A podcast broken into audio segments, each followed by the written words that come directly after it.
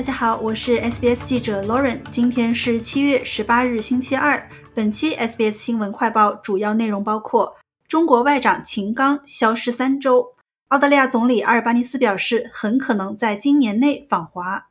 国内方面，维州宣布取消主办2026年英联邦运动会。中国外交部长秦刚已从公众视野消失三个星期，引发外界猜测。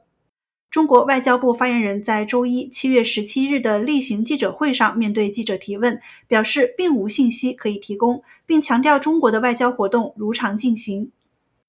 秦刚的最近一次公开露面是六月二十五日会晤斯里兰卡外长、越南外长、俄罗斯副外长等人，此后便再未现身。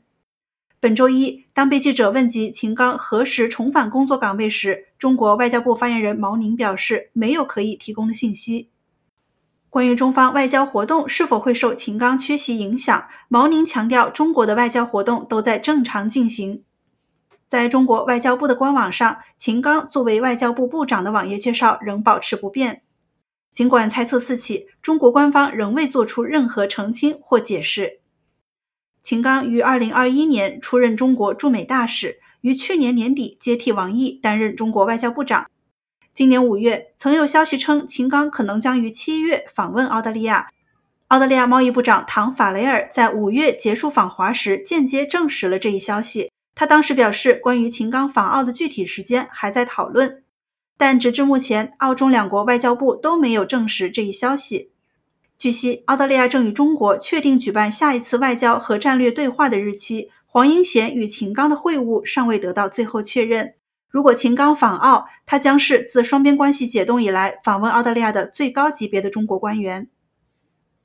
另一方面，总理阿尔巴尼斯周一表示，他很可能在今年年底前访问中国。阿尔巴尼斯在今年五月宣布收到了中方的访华邀请，但是尚未接受。澳方多次重申，除非在解决澳中两国的贸易和领事争端方面取得持续进展，否则总理阿尔巴尼斯不会前往中国。上周，中方要求延长一个月时间，以决定是否取消对澳大利亚大麦的高额关税。澳方虽然表示失望，但还是同意了。而澳籍记者程磊在中国被关押将满三年，其伴侣称，遥遥无期的监禁正在给程磊及其家人造成极大的困扰。据悉，程磊将于八月十三日被监禁满三周年，而他原定于七月十九日本周三获得判决，但很可能会再次延长。国内方面，维州州长丹尼尔·安德鲁斯宣布，由于面临财政困难，维州将不再举办2026年英联邦运动会。他在周二上午的发布会上表示，举办英联邦运动会的花费并非预计的26亿澳元，而是至少60亿澳元，甚至可能高达70亿。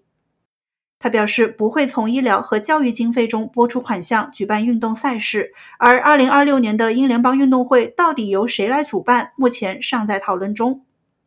感谢收听本期的 SBS 新闻快报，在任何播客平台搜索 SBS 普通话，点击订阅，开启消息提醒，即可了解澳洲国内外新闻及社区资讯。